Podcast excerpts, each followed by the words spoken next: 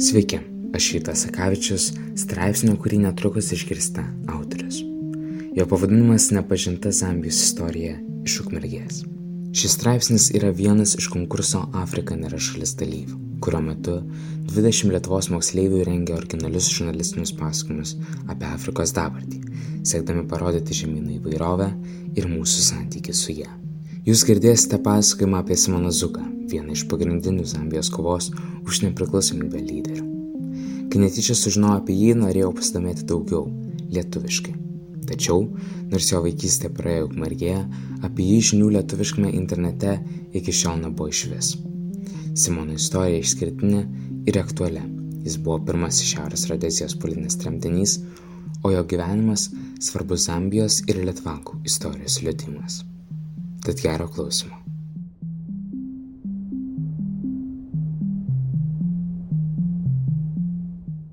Vieną įprastą dieną, užsimant įprastą veiklą, skrolinimu Facebook'e, mano akį patraukė įrašas apie vieną europietį - Zambijos nacionalinį herojų. Įdomiausia dalis buvo jo pavardė - Zukas. Jis skambėjo pažįstamai, tačiau abejojau, negi nežinotume apie tokį žmogų.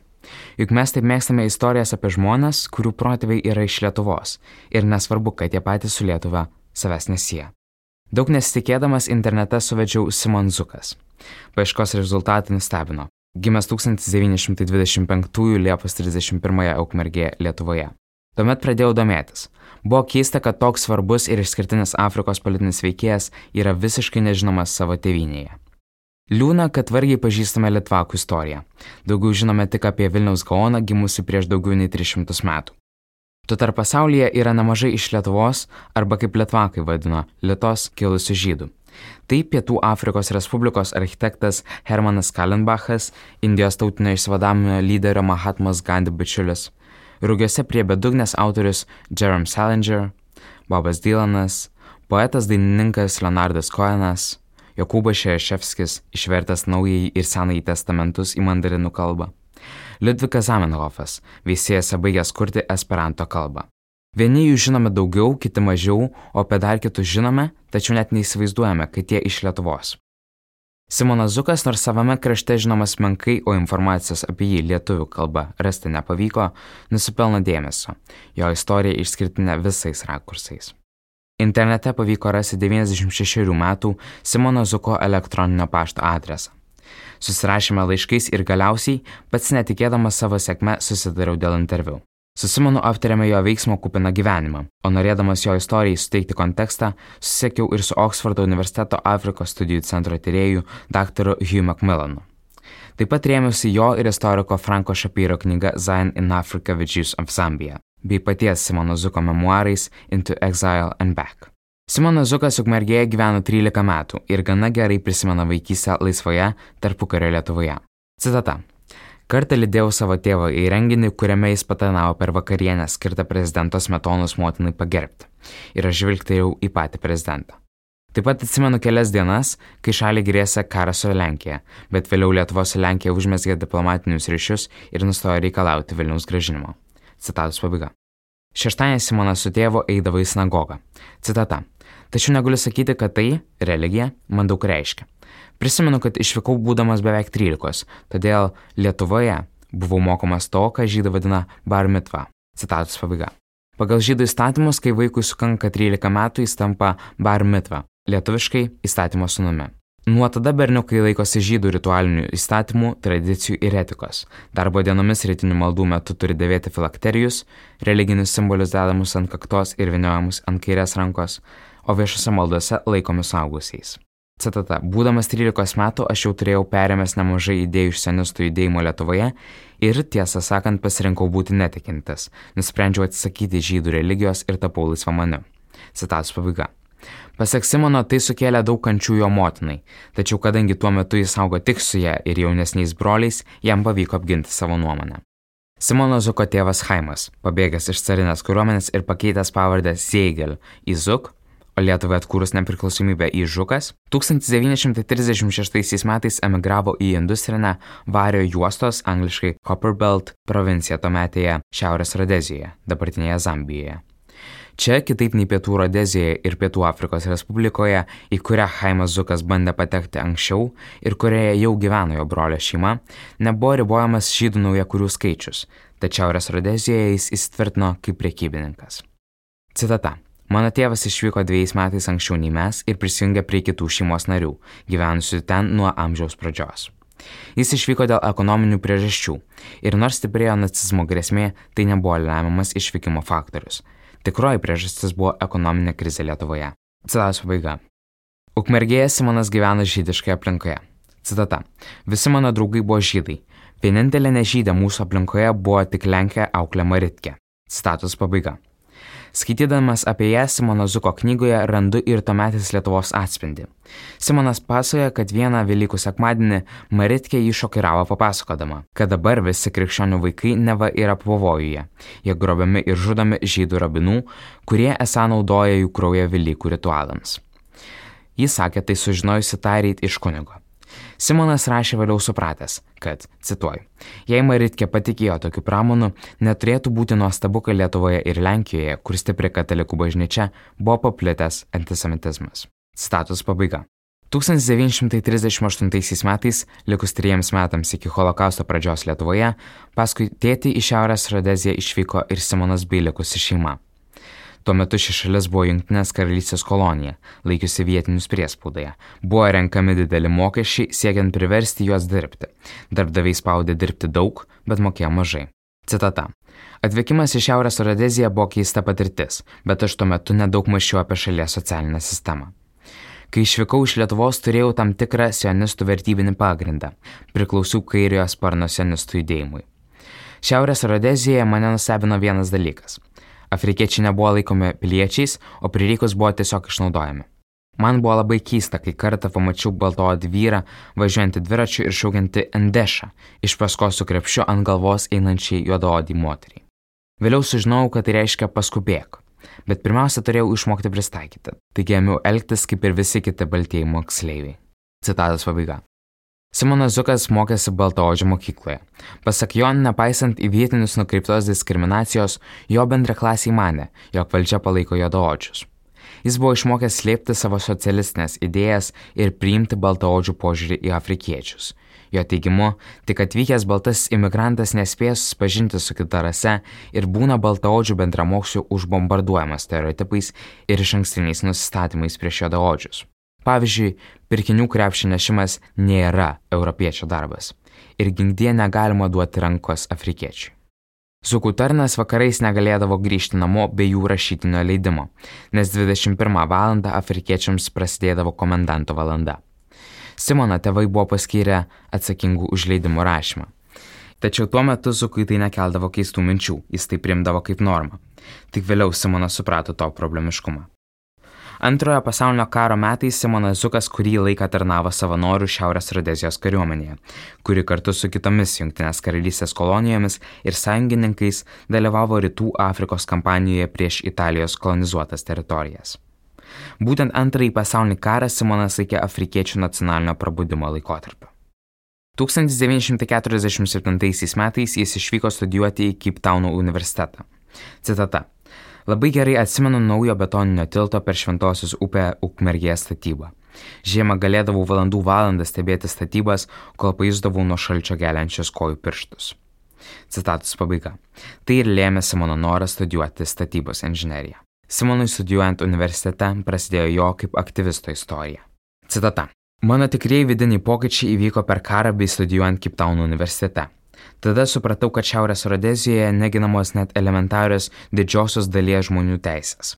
Kaip tau nedalyvavau socialistinėme studentų judėjime, kur kartu su kitomis miesto grupėmis kovojame už lygias teisės. Tad grįžęs namo į Šiaurės Rodeziją 1950 metais buvau visiškai pasirengęs ką nors keisti. Status pabaiga. Studijuodamas Simonas žavėjosi komunistų partijos politika Pietų Afrikoje ir gailėjosi negalys dalyvauti jos veikloje atvirai. Simonas jautė, kad iki studijų pabaigos turi vengti bet kokio preteksto Pietų Afrikos valdžiai išsiųsti jį atgal į Šiaurės Rodeziją. Vėliau jis nusivylė Pietų Afrikos Respublikos komunistais, užmerkiančiais akis prieš Stalino nusikaltimus. Studijuodamas Simonas Zukas savo pažadėjo, kad vos grįž namo, pradės savo kovą prieš rasinę diskriminaciją ir už afrikiečių emancipaciją. Dar Pietų Afrikoje diplomuotas inžinierius sužinojo apie kolonijinės valdžios planus steigti federaciją, kurią sudarytų Šiaurės ir Pietų Rodezijos, dabartinė Zambija ir Zimbabvė, bei Nezalandas, dabartinis Malavis. Jei įkūrus Simonas rašė, būtų sukurta stipri baltųjų naujakurių valdoma valstybė, panaši į Pietų Afrikos Respubliką, kurioje afrikiečių teisų vystimasis būtų sustabdytas keliems dešimtmečiams.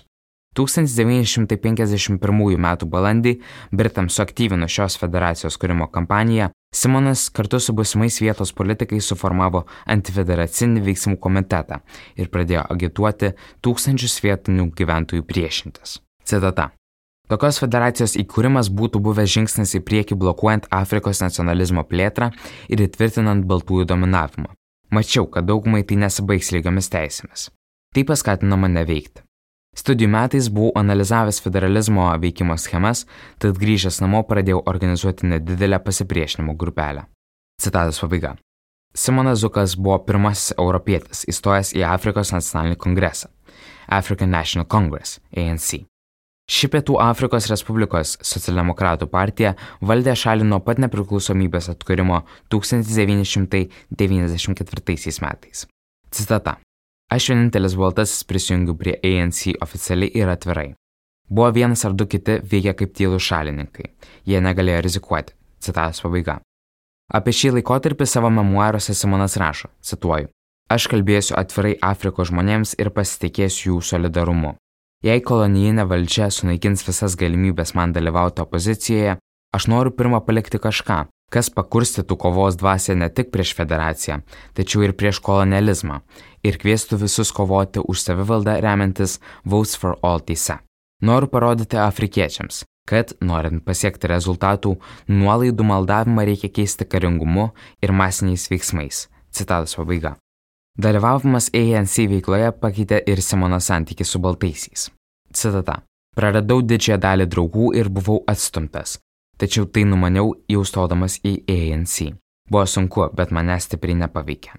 Citatos pabaiga. Pasak Simono Zuko, jo šeima taip pat maldavo įtapti netokiu aktyviu, nes jų ėmė vengti kiti europiečiai, o žydų bendruomenė pradėjo skūstis, kad Simono veikla daro neigiamą įtaką jos narių geroviai. Simonas tėvams pasakė, kad afrikiečių teisės jam yra pirmoje vietoje, tad jis negalys daryti jokių kompromisų. Situacija draugų tarpe buvo panaši. Pasak Simono, Dauguma jų mane, kad bendravimas su opozicionieriumi sugadintų jų įvaizdį vyriausybės akise. Bailys ne tas, kuris bijo, bet tas, kuris negali savo baimės nugalėti. Tai frazė, kuri buvo užrašyta ant paskaitų kabineto sienos, Simonui Zukui tarnaujant kariuomenėje. Simonas dažnai ją savo kartojo opozicionuodamas valdžiai, tačiau šio moto nepamiršo ir vėliau. Matydami augančią Zuko įtaką, kolonistai nurodė jam baigti veiklą opozicijoje, o pašto darbuotojams buvo liepta daryti jo siunčiamų ir jam siūstų laiškų fotokopijas. Simonas nepakluso ir nenutraukė veiklos opozicijoje, tad 1952 m. balandį jis buvo suimtas. Būdamas vos 26, jis kaltintas afrikiečių kurstimu prieš europiečius, o po dviejų dienų teismo posėdžių paskelbtas pavojumi taikai ir gerai tvarkai. Pirmasis kaltinimas buvo ypač skaudus Zukui, Jis visuomet rėmėsi antirasizmo principu, todėl už teisės kovojo kartu ir su naujakuriais, ir vietiniais. Kaip skelbia Daily Nation Zambija, teisėjų Zuko paklausus, kodėl jis toks įstraukęs į politiką šioje šalyje, jis atsakė, cituoju, visuomet domėjausi socialiniais reikalais. Aš čia baigiau mokslus ir man labai rūpi afrikiečių gerovė. Citatos pabaiga. Kolonijistinis aparatas suprato, kodėl prieš jį, slapinant afrikiečių teisės, kovojo juodaodžiai. Tačiau kodėl prieš vyriausybės jiems suteiktas privilegijas turėtų kovoti baltieji?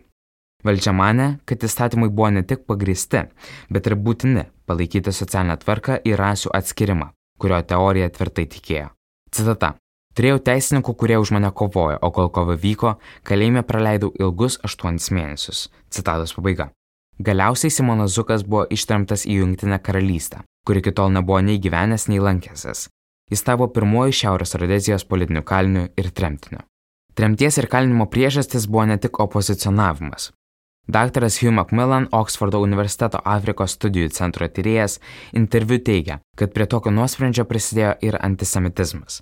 Pasak jo, jei Simonas būtų buvęs Britas, pasiekmes būtų buvusios lengvesnės. Vis tik mažiau nei po metų nuo Simono Zuko teismo Rodezijos ir Nezalando federacija buvo įkurta. Kaip ir spėjo Simonas, tai nepagerino vietinių gyventojų sąlygų, nes federacijos generalgubernatorius buvo Junktinės karalystės karalienės Elžbietos antrosios vietininkas. Tačiau net ir tremtyje Zukas nepasidavė ir nenustojo priešintis. Citata. Nuo pat tos dienos, kai patekau į Junktinę karalystę, buvau pasiryžęs grįžti į Zambiją, į Šiaurės Rodeziją, kai ji taps laisva. Tam prireikė maždaug 11 metų. Nusprendžiau negyventi tremtinio gyvenimo, susitokiau ir susilaukiau vaikų.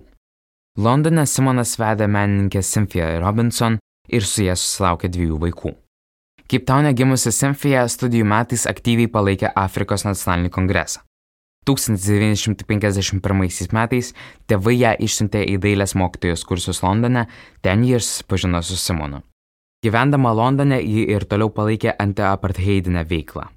Junktinėje karalystėje Simonas dirbo dizaino inžinieriumi, o vėliau įkūrė inžinierinių konsultacijų įmonę.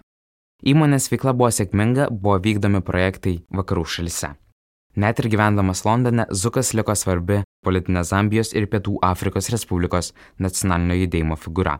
Dalyvavo judėjimo už kolonijų laisvę veikloje, angliškai Movement for Colonial Freedom - MCF. Organizacija Junktinėje karalystėje planavo surenkti informacinę kampaniją už kolonizuotų tautų laisvę nuo politinio ir ekonominio dominavimo, bei suvieninti mažesnės šiuo klausimu besirūpinančias organizacijas. MCF buvo glaučiai susijusi su Junktinės karalystės leiboristų partija ir kitomis kairiosiomis organizacijomis.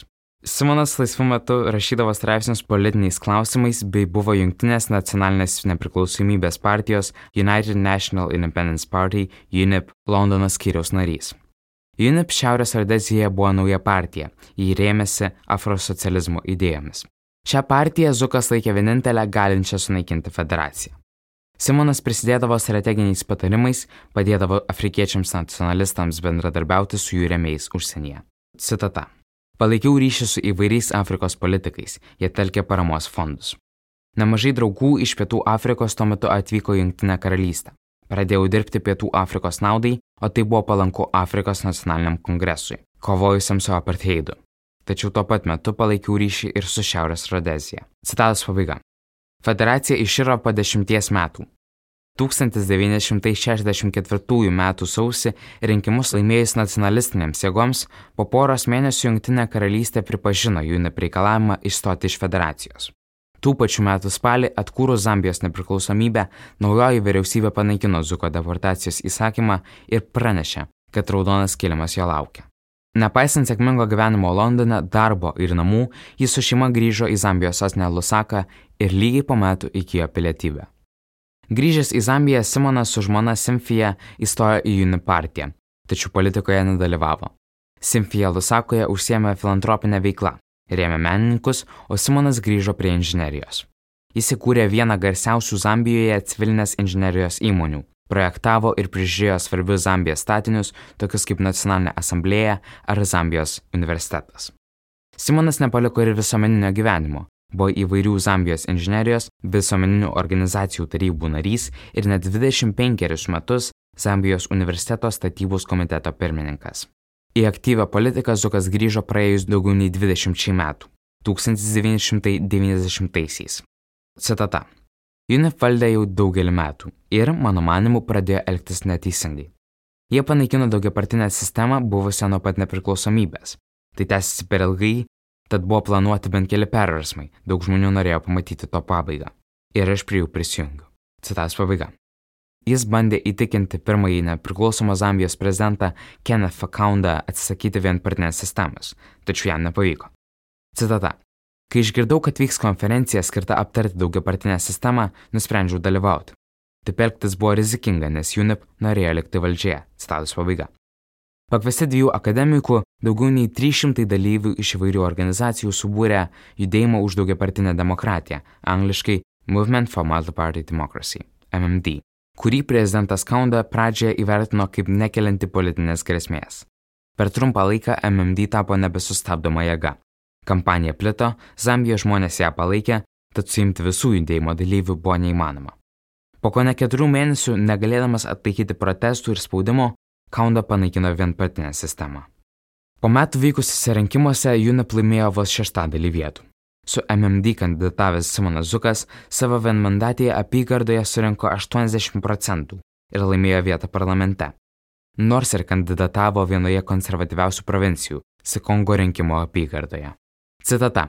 Tai viena atokiausių apygardų Zambijoje. Su šia sritimi neturėjau jokio ryšio, tačiau kai dalyvavau kitų ten kandidatavusių politikų kampanijose, žmonės manęs paprašė eiti į parlamentą. Partijos nariai tarpusavyje buvo suskaldę, o aš buvau pakvestas kaip kandidatas iš šalies. Citatos pabaiga. Pasak Simono, kaip baltoodis kandidatas, gentinė tvarka grįstoje provincijoje jis buvo sutiktas maloniai. Citata. Kai vietiniai sužinojo apie judėjimą už daugiapartinę demokratiją, jie paprasčiausiai netikėjo, kad čia gali būti ir baltaodis. Galbūt skambės keistai, bet nacionalizmas čia dar nebuvo prasidėjęs. Gyventojai buvo nacionalistai, sakyčiau, genčių ir vietinių lygmenių. Vietinės gentis buvo labai konservatyvios ir tokios norėjo išlikti, tačiau jas priemė baltaodžius. Citatas pabaiga. Laimėjęs rinkimus, judėjimas už daugiapartinę demokratiją sudarė vyriausybę, kurioje Simonas per šešerius metus buvo dviejų sričių ministru.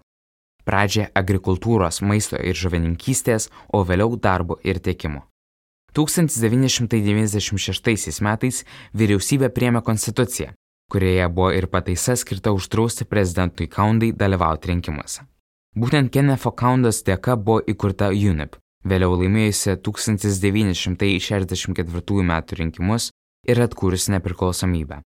Tačiau šia konstitucijos pataisa buvo uždrausta į prezidentus kandidatuoti asmenims, kurių tėvai nėra gimę Zambijoje. Kennefo Kaundos tėvas buvo migrantas misionierius iš Malavio, kuris Zambijoje apsigyveno 1920 metais. Protestuodamas dėl konstitucijos pataisų, Simonas Zukas paliko ministro postą ir, nors tai nieko nepakeitė ir konstitucija buvo priimta, šiuo žingsniu jis parodė, kad politika gali būti ir pragmatiška, ir pilietiška. Po atsistatydinimo jis išliko aktyvus politikas, o į pensiją išėjo tik 2005-aisiais, būdamas 80. Baltųjų dalyvavimo antikolonijistinėje veikloje Afrikoje idėja gali skambėti problemiškai. Tačiau daktaras Hugh Macmillan, Oksfordo universiteto Afrikos studijų centro tyrėjas, teigia, kad tuo laikotarpiu ne visi baltoodžiai buvo už kolonizaciją. Zukas buvo išskirtinis, bet ne vienintelis, dalyvavęs antikolonijinėje kovoje tarp žymių litvakų kovotojų ir fotografas Elis Weinbergas iš Liepojos, padaręs vieną garsiausių Nelsono Mandelos portretų, ir Pietų Afrikos Respublikos politikas Džiauslovo iš Abelių, aktyviai dalyvavęs ANC veikloje ir stipriai prisidėjęs prie šalies demokratijos. Vilniaus universiteto Pietų Afrikos žydų istorijos ir kultūros tyrėja Karina Simonson teigia, kad nors žydai Pietų Afrikoje, kuriuo 80 procentų buvo litvakai, galėjo mėgautis baltųjų privilegijomis, Jie plačiai dalyvavo antiapartheidinėse veiklose. Litvakai rizikavo savo turtų ir laisvę net nebūdami tiesioginėmis aukomis, ne taip kaip juodaodžiai, aziečiai ar coloreds. Europietiškų ir azijietiškų ar afrikietiškų šaknų žmonės. Patyrę antisemitizmą ir neapykantą tėvynėje, žydai atvykdavo ir matydavo tą patį tik prieš juodaodžius. Markas Zingeris, žydų kilmės lietuvių novelistas, sakė, Socialinio teisingumo kiekvienam siekis yra labai litvakiškas bruožas. Citatos pabaiga. Simono Zuko palikimas ir toliau kuria Zambiją. 2011 metais pasaulis nustebo, kai šalies viceprezidentu buvo išrinktas Baltoodis. Prezidentui mirus viceprezidentas iš Škotijos Guy Scottas keliems mėnesiams tapo prezidentu. Skotas galėtų būti Škotijos indėlio į Zambijos istoriją ir politiką simbolis. Tačiau dr. Hugh Macmillan teigimu, Būtent Simono Zuko daugiau nei 50 metų dalyvavimas politikoje, namuose ir tremtyje, opozicijoje ir vyriausybėje padėjo zambiečiams natūraliai ir lengvai priimti Skotą. Apie baltaodžių ir juodaodžių tarpusavio santyki savo memuarų epiloge rašė ir Simonas. Citata. Manau, kad mūsų veiklas vykdytos prieš ir po nepriklausomybės paskelbimo padėjo ateiti laikui, kai rasizmas Zambijoje beveik nebeegzistuoja. Citatos pabaiga. 1951 metais įkurto Antifederacijos veiksmų komiteto, kurio sekretoriumi buvo Simonas, tikslas buvo argumentuotai paaiškinti federacijos žalą. Simono pasiūlyta emblema organizacijai buvo juoda ir raudona juostelės.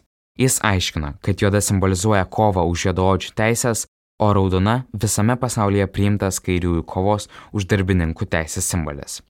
Nuo pat nepriklausomybės paskelbimo šios dvi juostelės yra ir Zambijos vėliavoje. Zambijos universiteto moderniosios istorijos dėstytojas dr. Šišuo Šišuo Simoną apibūdina kaip principingą, vargšus bei skurstančiuosius gynusi ir savo nuomonės nebijojusi pasakyti politiką.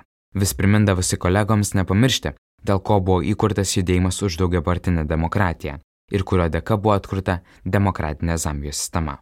2005 metais The Post, vienas svarbiausių Zambijos laikraščių vedamajame, redaktorius Fredas Membe Simono Zuko pastraukimo iš politikos progą rašė, citata, Simonas yra visur, kur reikia ginti žmonių interesus arba juos tobulinti. Jis visada nesavanaudiškai kovoja teisingumo pusėje. Ir mes tikimės, kad šiandienos politikai ir pilietinė visuomenė seks šiuo didžiuoju revoliucionieriumi, šiuo puikiu mūsų šalies piliečiu, šiuo puikiu Zambijos gyventoju. Citatos pabaiga. 85-ojo Zuko gimtajame proga 2010 metais Vepaus pridėjo. Citata. Jo žmonė yra beribė ir įkvepianti. Jis engiamųjų ir vargšų čempionas. Citatos pabaiga. Skaitė Rytas Sakavičius.